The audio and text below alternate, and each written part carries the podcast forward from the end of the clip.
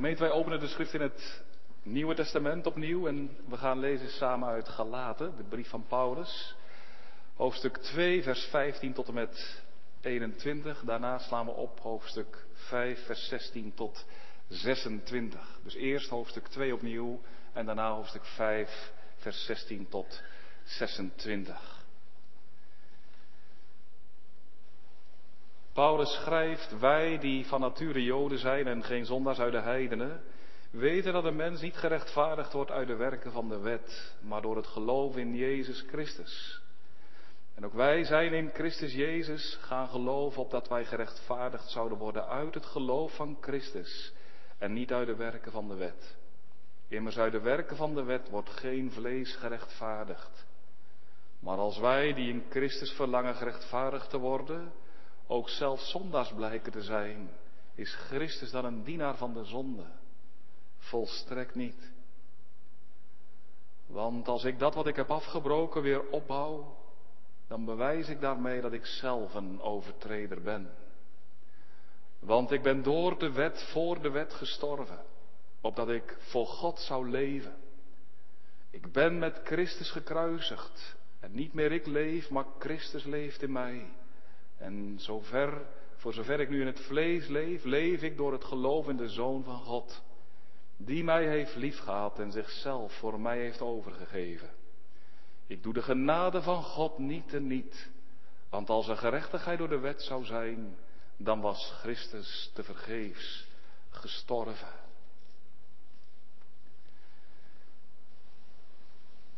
Vijf vers 16. Maar ik zeg, wandel door de geest. En u zult de begeerte van het vlees niet volbrengen. Want het vlees begeert tegen de geest in en de geest tegen het vlees in. En die staan tegenover elkaar. Zodat u niet doet wat u zou willen. Maar als u door de geest wordt geleid, bent u niet onder de wet. Het is bekend wat de werken van het vlees zijn, namelijk overspel, hoererij, onreinheid, losbandigheid, afgoderij, toverij, vijandschappen, ruzie, afgunst, woedeuitbarstingen, egoïsme, oneenigheid, afwijkingen in de leer, jaloezie, moord, dronkenschap, zwelgpartijen en dergelijke, waarvan ik u voor zeg, zoals ik u al eerder heb gezegd, dat wie zulke dingen doen, het koninkrijk van God niet zullen beërven. De vrucht van de geest is echter liefde, blijdschap, vrede, geduld, vriendelijkheid, goedheid, geloof, zachtmoedigheid, zelfbeheersing. Daartegen richt de wet zich niet. Maar wie van Christus zijn, hebben het vlees met zijn hartstochten en begeerten gekruisigd. Als wij door de geest leven, laten wij dan ook door de geest wandelen. Laten wij geen mensen met eigendunk worden, elkaar niet uitdagen en benijden. Tot zover de schriftlezing. Gemeente, wat moet er toch wel niet door Paulus zijn heen gegaan toen hij de woorden opschreef die wij lezen aan het slot van vers 20 in Galaten 2. Ik leef, schrijft hij, door het geloof in de Zoon van God en dan komt het, die mij heeft liefgehad en die zich voor mij heeft overgegeven. Ik denk dat het hart van de apostel vervuld is geweest met verwondering. Denkt u ook niet? Aanbidding die mij heeft liefgehad. Mij. de grootste der zondaren, vervolger van de gemeente van God. Hij heeft zich voor mij overgegeven. Is je hart ook vervuld van verwondering.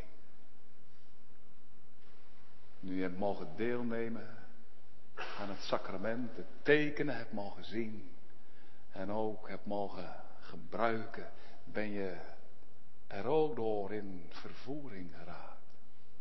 Kan. Verwonderd dat je in de bank mag zitten. En dat zitten, dat is ook al zoveelzeggend. Hè? Dat je nu echt mocht zien op het werk van de Heer Jezus, zijn bloed, zijn vergoten bloed, zijn verbroken lichaam mocht zitten en mocht weten, o mijn heiland, u hebt alles volbracht. Ik hoef er niks aan te doen. Wat getuigt zijn offer toch van grote liefde, nietwaar? Heb je Israël mogen zien? Mag dat zo ook zijn in je hart? Wie zal toch ooit de liefde van deze Heer Jezus kunnen uittekenen? Wie zal er de hoogte en de diepte en de lengte en de breedte toch ooit van onder woorden kunnen brengen? Nu is dit evangelie, het evangelie van vrije genade, Christus heeft de hele wet vervuld en de vloek ervan gedragen, opdat ik door hem rechtvaardig zal zijn voor God, vrede krijg met God. Is dit evangelie waarom Paulus het te doen is als hij de brief aan de Galaten schrijft. Dit evangelie wil hij uitdragen.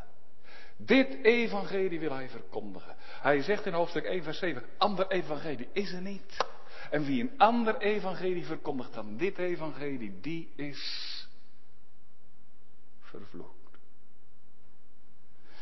En dan gaat hij in hoofdstuk 2, als hij dit heeft geschreven in hoofdstuk 1, dit evangelie afbakenen van de wet. En dan gaat hij ook laten zien, ja, wat is nu de rijkdom precies van dit evangelie? En dan komen we bij vers 20 en dan roept hij uit, ik ben, dat is het gevolg van het evangelie, het leven van het evangelie. Ik ben met Christus gekruist en en, en ik leef, maar nu leef ik niet meer, maar Christus leeft in mij. En wat ik nu nog leef in het vlees, dat leef ik door het geloof in de Zoon van God die mij heeft liefgehad en die zich voor mij heeft overgegeven.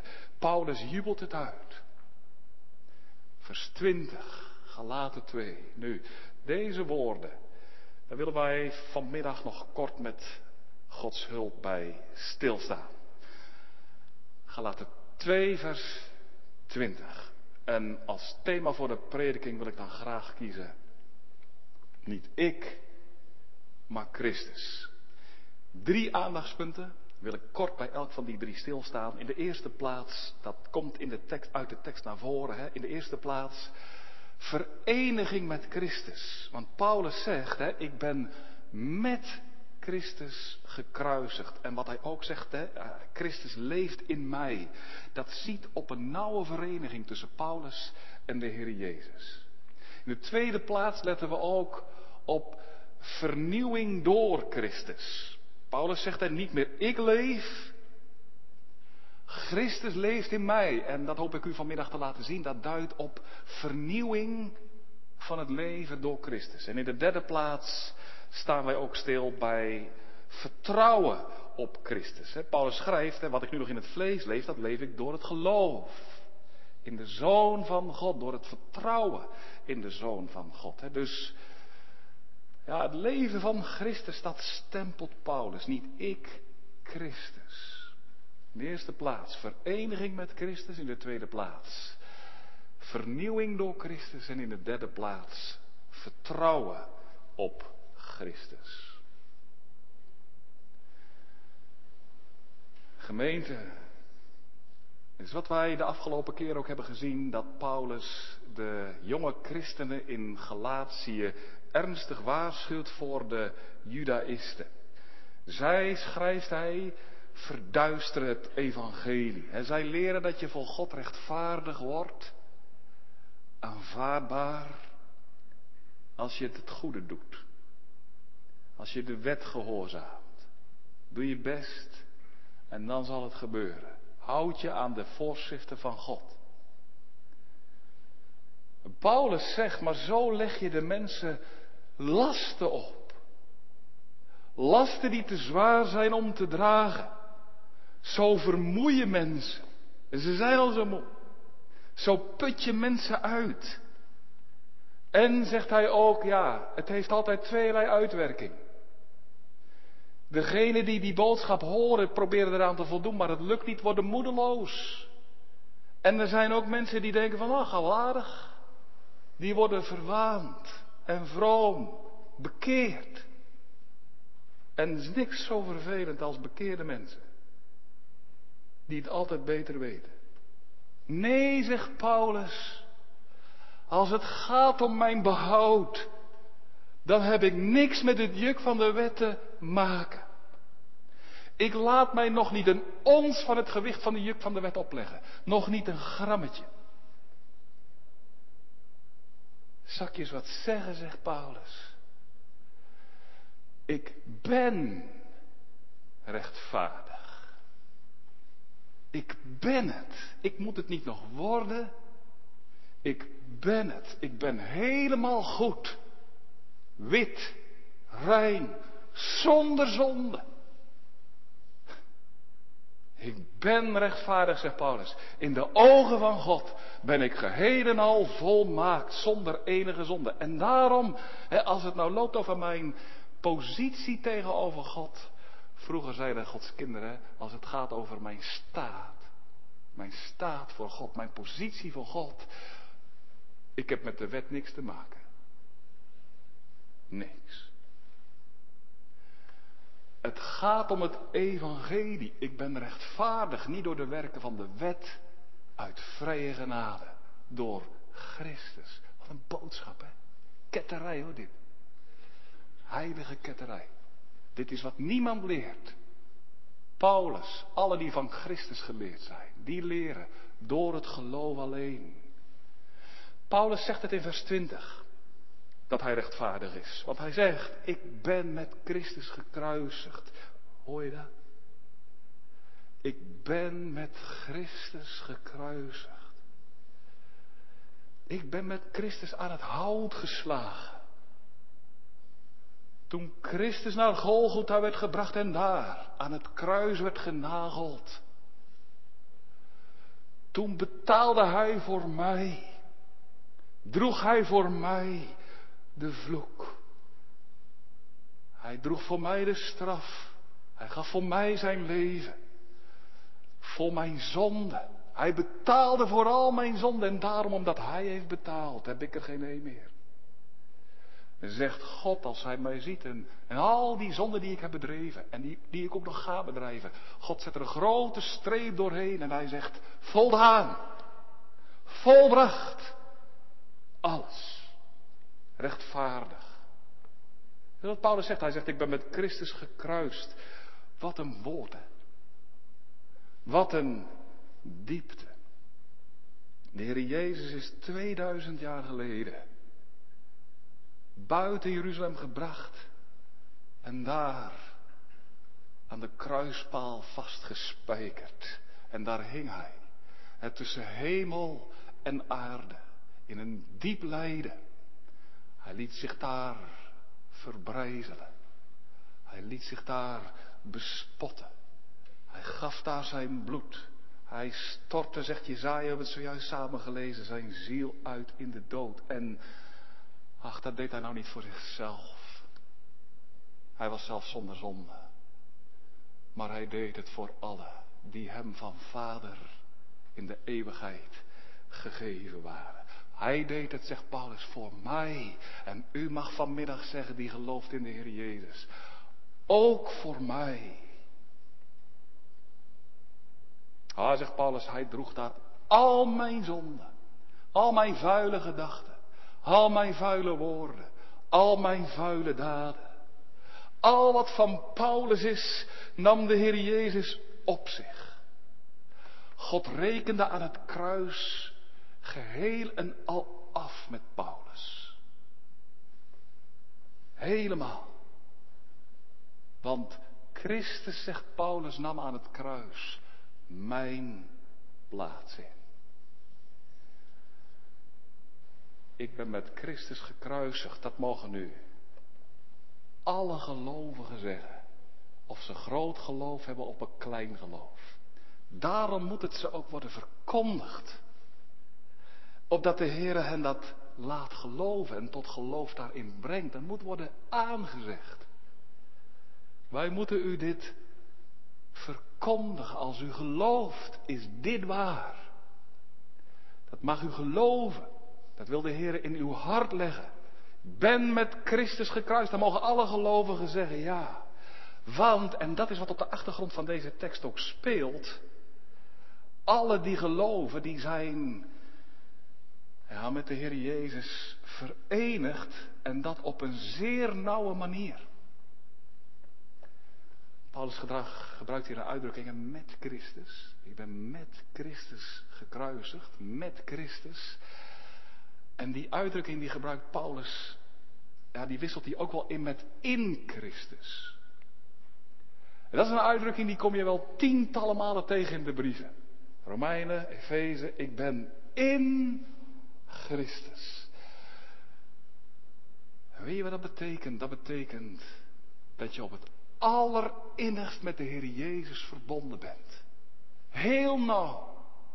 Zo nauw dat je kunt zeggen dat je in Christus bent. Met een geestelijke band. Hè? Niet met een zichtbare band die je met deze ogen kunt zien. Maar wel met een echte, reële band. Kun je niet zien, kun je niet aanwijzen. En toch is die band er. Een geestelijke band.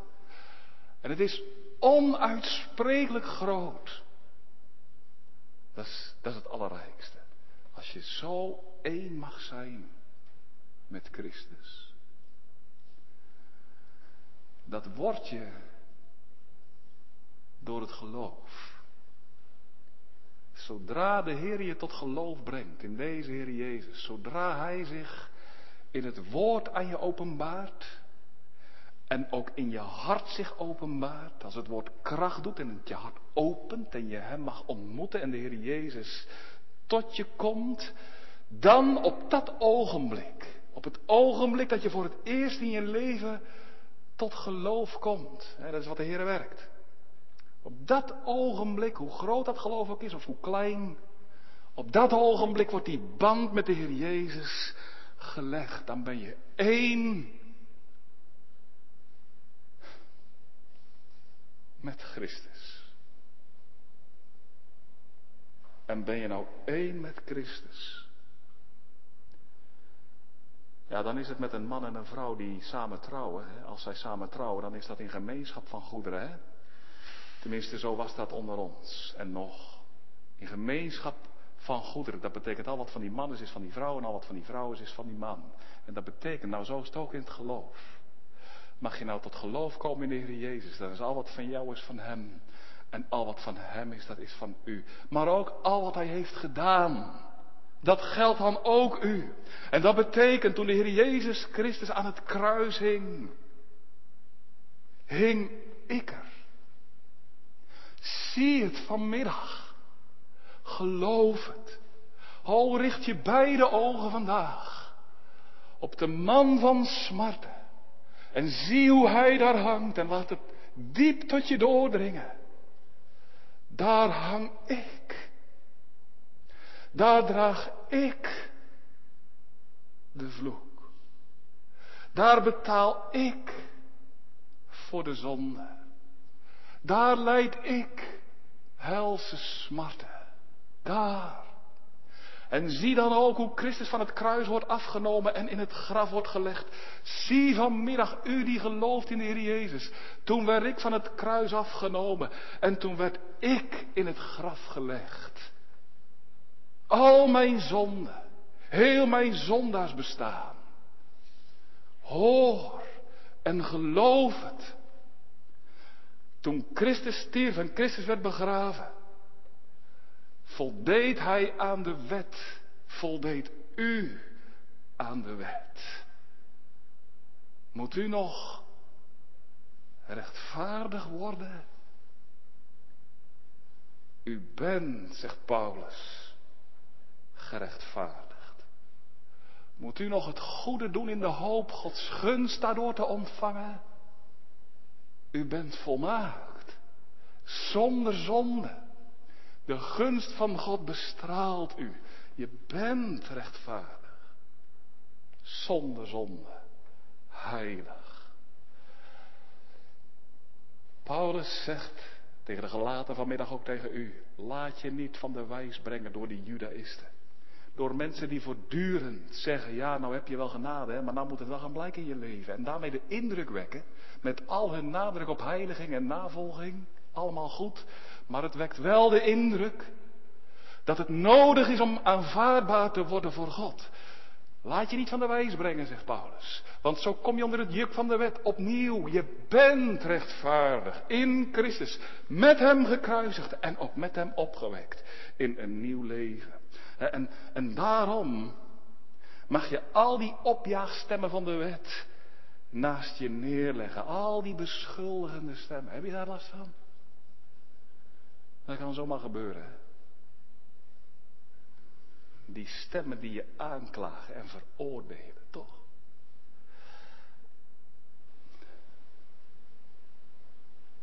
Voor hen die daar nou echt voortdurend door geplaagd worden. Ik denk aan een voorbeeld dat ik, dat, dat noem ik eigenlijk alleen voor hen.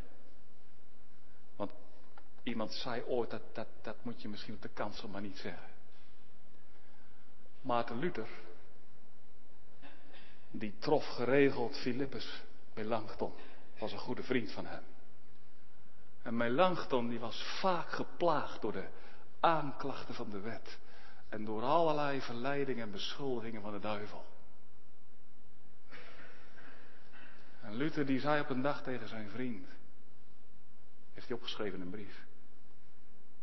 Hij zegt, beste Philippus, weet je wat jij eens moet doen? Jij wordt vaak geplaagd en vaak bestreden. En dan ga je neergebogen tegen, hè, door het leven heen. Je moet eens een kleine zonde doen.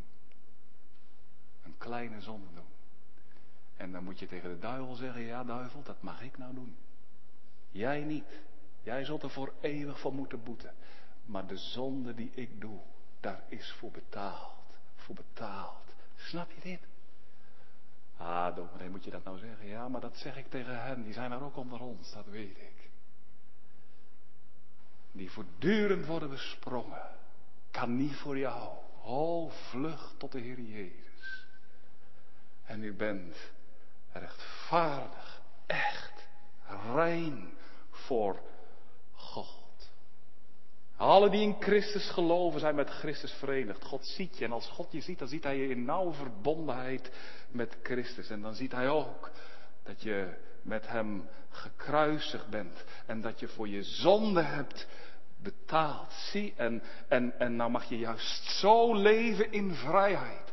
Zonder kramp en zonder vrees. En juist zo in die vrijheid de Heere dienen. En voor Hem leven. Leven van de genade. En zo de genade uitleven. In liefde en in verwondering en met vreugde. Oh, is de Heer niet goed voor je? Hij heeft je banden losgemaakt. En dat om, om voor Hem te leven. Leef voor Zijn aangezicht. Gaan onze tweede gedachte. De vernieuwing door Christus. Dat blijkt uit die woorden wat Paulus dan laat volgen op die woorden, ik ben met Christus gekruist. Hij zegt niet meer ik leef, maar Christus leeft in mij. De vernieuwing door Christus. Niet meer ik leef, maar Christus leeft in mij. Niet meer ik leef. Dat is wat Paulus zegt. Ja. Hij zegt, mijn ik leeft niet meer. Mijn ik is gestorven. Hij zegt, zie maar, daar hangt het.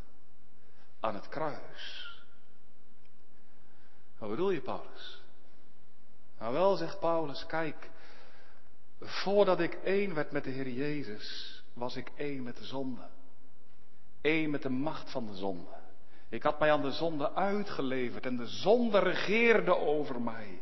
En de zonde die, ja, die liet mij leven voor mijzelf. Hè, want dat is wat zonde is. Ik leefde niet voor de Heer en zijn dienst, maar ik leefde voor mijzelf. Ik deed alles voor mijzelf. Het draaide mijn leven altijd om mijn ego. Het ging om Paulus, Saulus. Hè?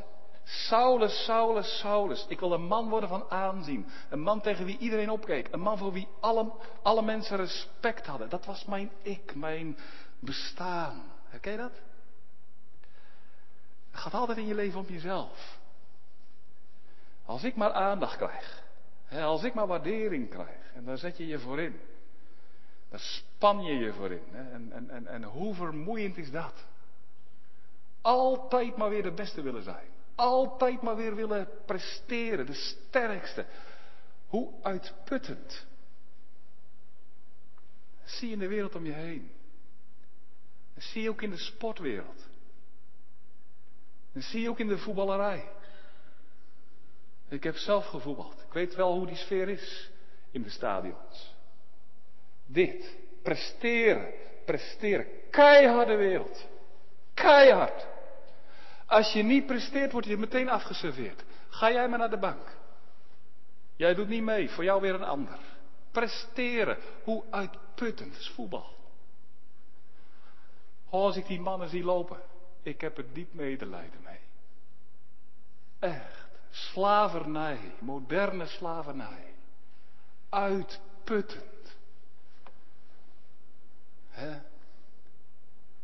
Ik las één op de drie van de profvoetballers is depressief.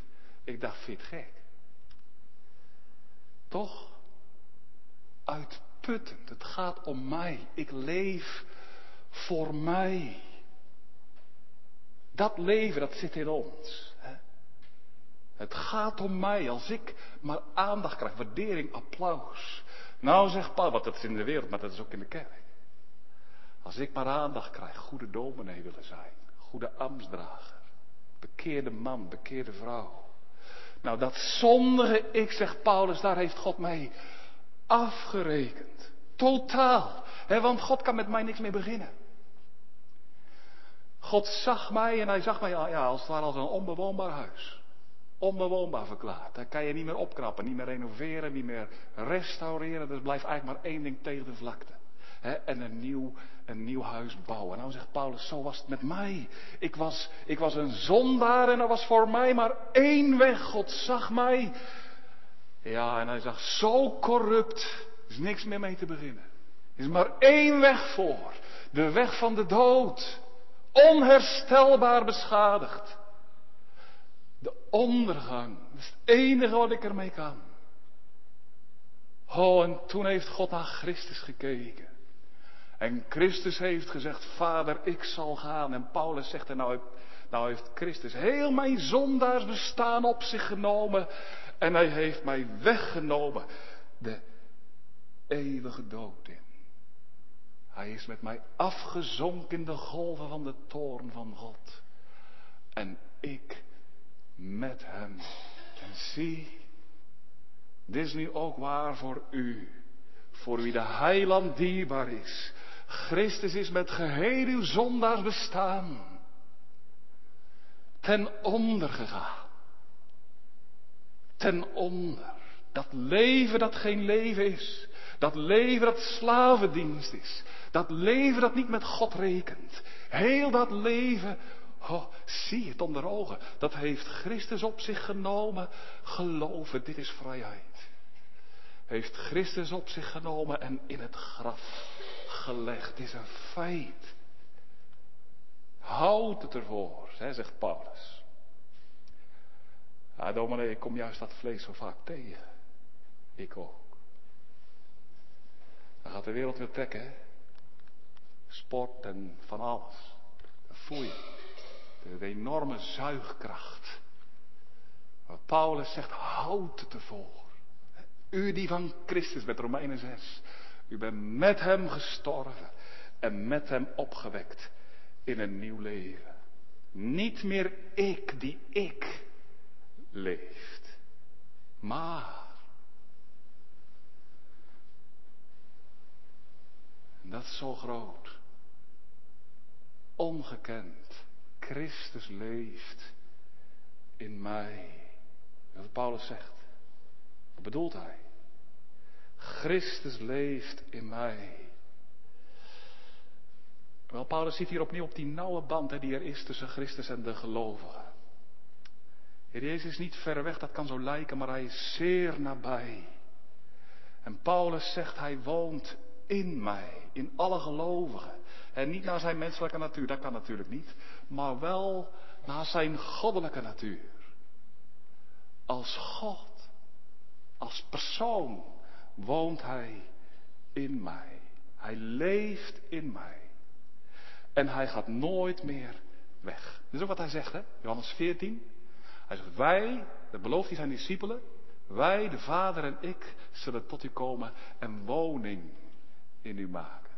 Wij komen in u wonen.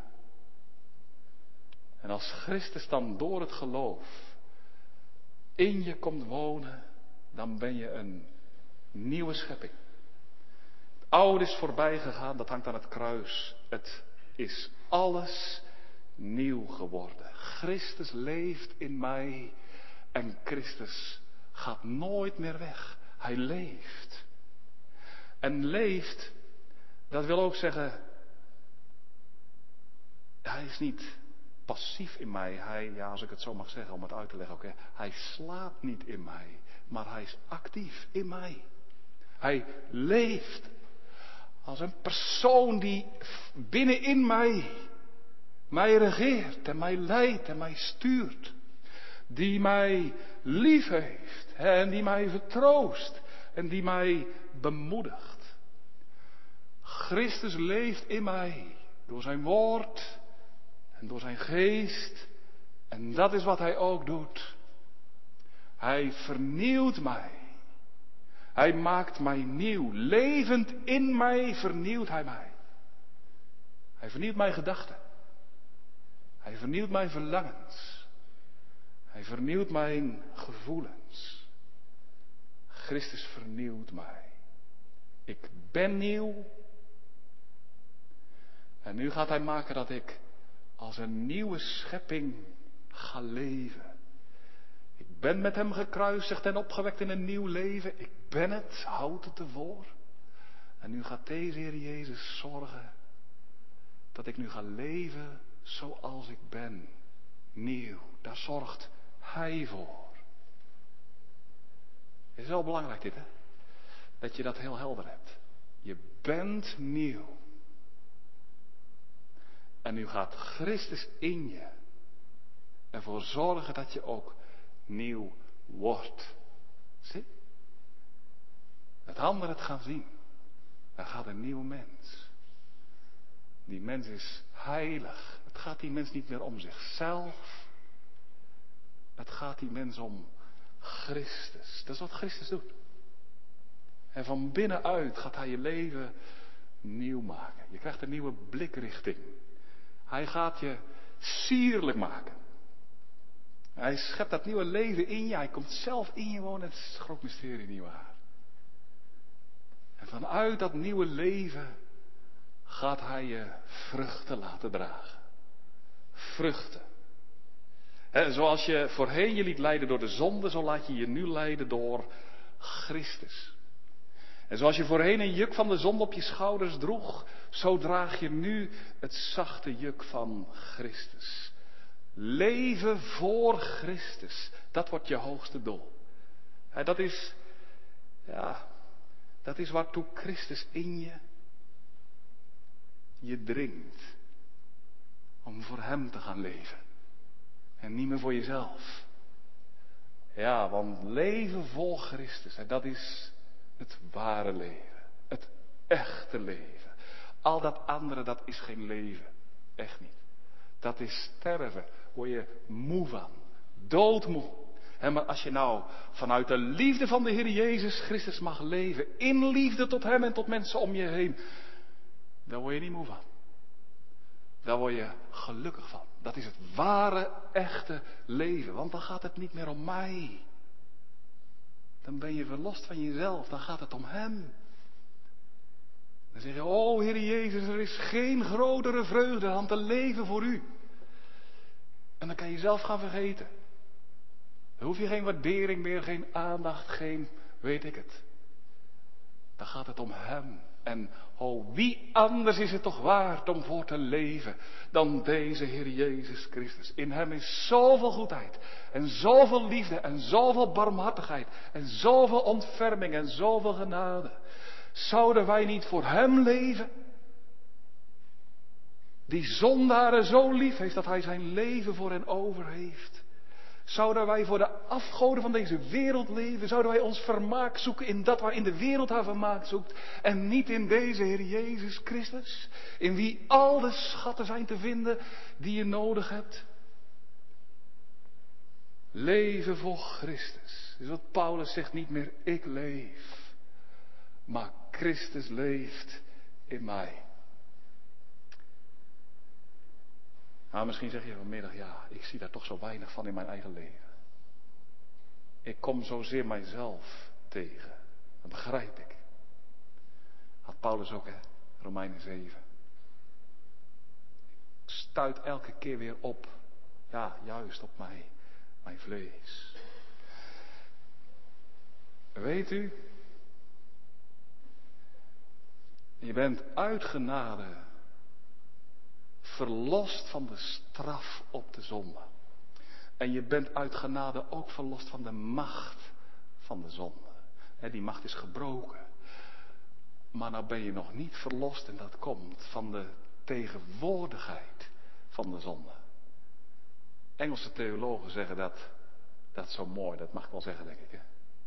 Zij zeggen je bent wel verlost van de penalty of sin, straf.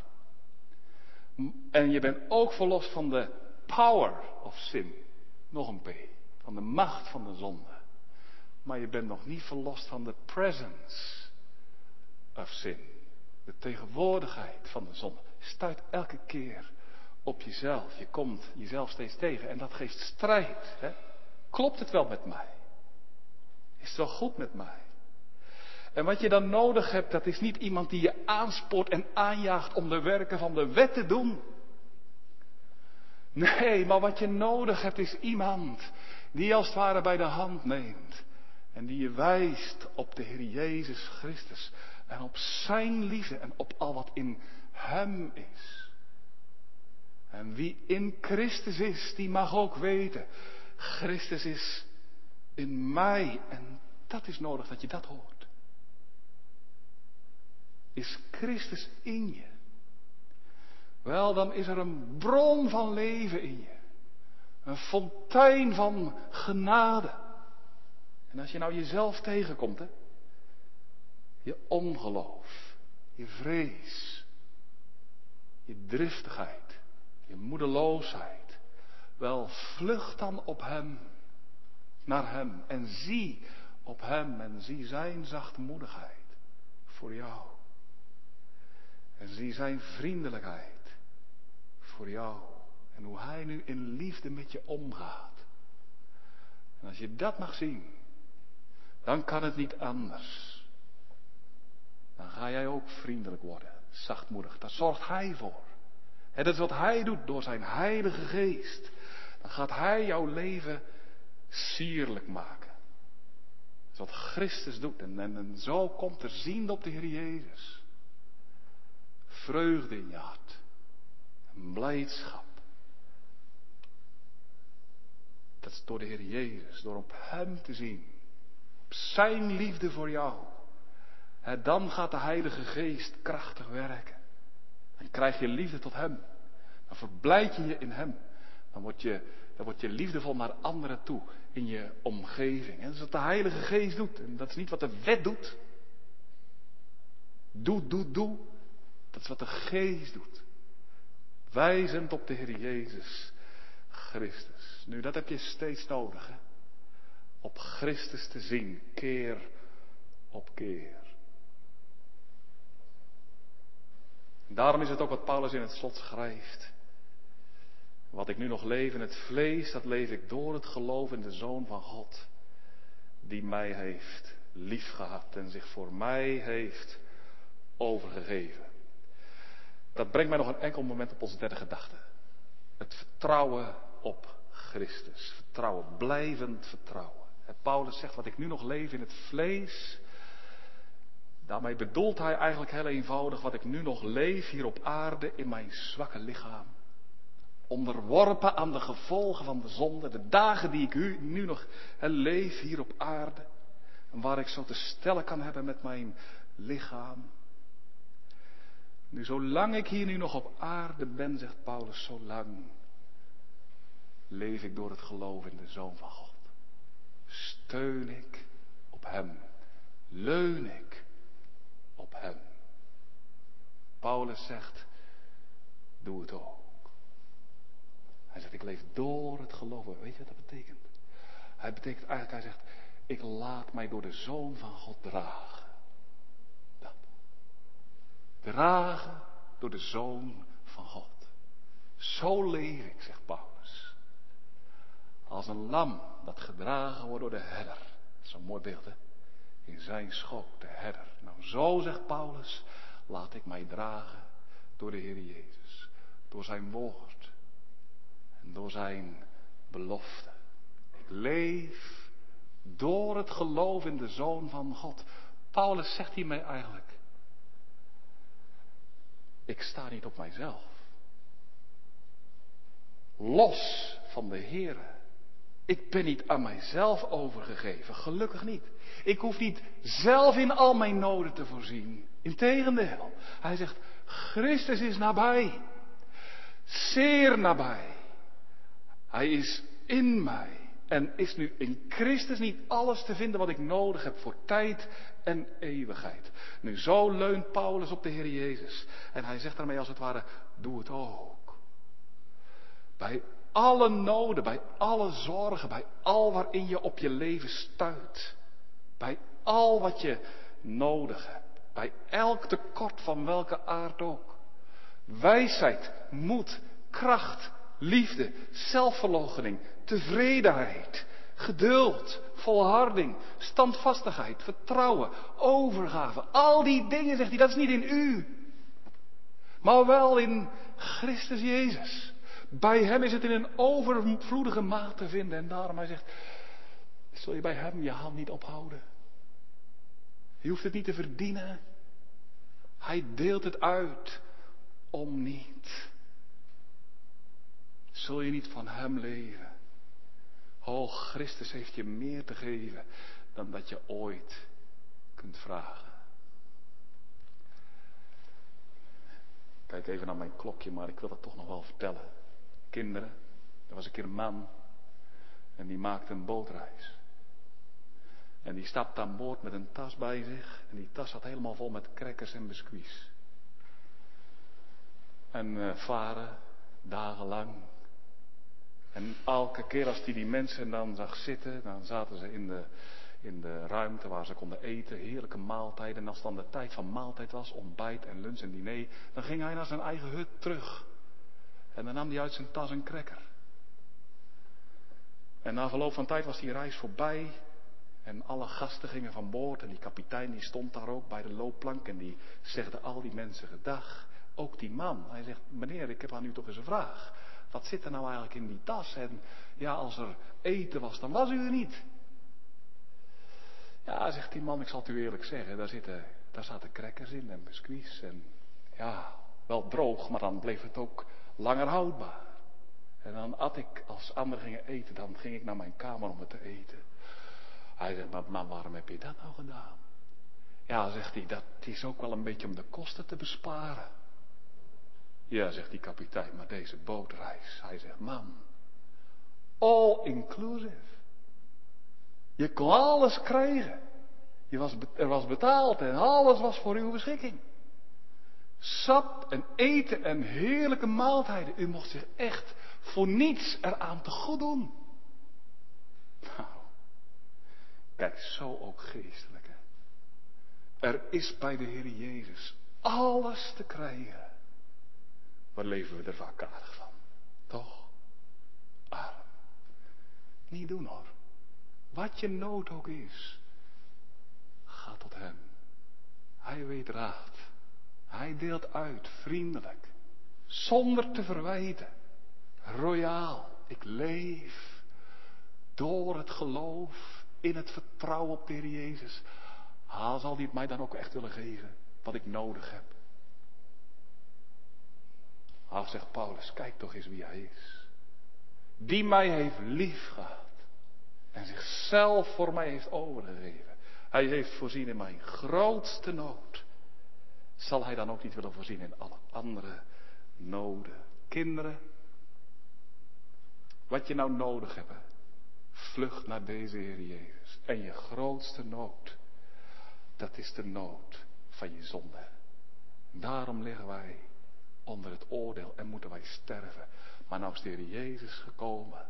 En hij zegt ook, kinderen, kom tot mij, jonge vrienden. Stel niet uit, deze dag is de dag van genade. Wend u tot mij en word behouden.